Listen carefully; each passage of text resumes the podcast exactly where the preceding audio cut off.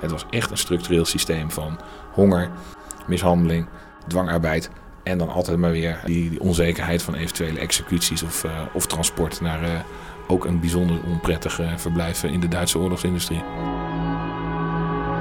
Deze man bepaalde wat er met de gevangenen gebeurde. Hij stond, je zou kunnen zeggen, internationaal gesignaleerd. Hij was natuurlijk een, een oorlogsmisdadiger en daar was iedereen het uh, duidelijk over eens. Want dat wisten ze in 1944, de Nederlandse regering in Londen ook al. en de laatste maanden van de oorlog verschollen in februari 1945, dus uit beeld verdwenen. Het kan zo zijn dat Walter Heinrich een heel prettig leven heeft geleefd in een lekker tropisch klimaat. Dat zou kunnen. Heinrich Kroothorst, Heinrich. Niemand met de naam Heinrich. Zijn achternaam.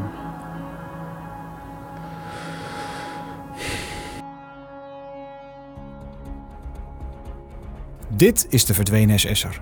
Een podcast waarin we proberen te achterhalen wat er na de oorlog is gebeurd met Walter Heinrich. Oorlogsmisdadiger, massamoordenaar en grondlegger van een van de gruwelijkste concentratiekampen in Nederland. Hij verdwijnt in de laatste maanden van de oorlog. Onvindbaar. Spoorloos. Mijn naam is Jordi Hubers en samen met Floris van Dijk ga ik op onderzoek uit. Op zoek naar een onbestrafte oorlogsmisdadiger.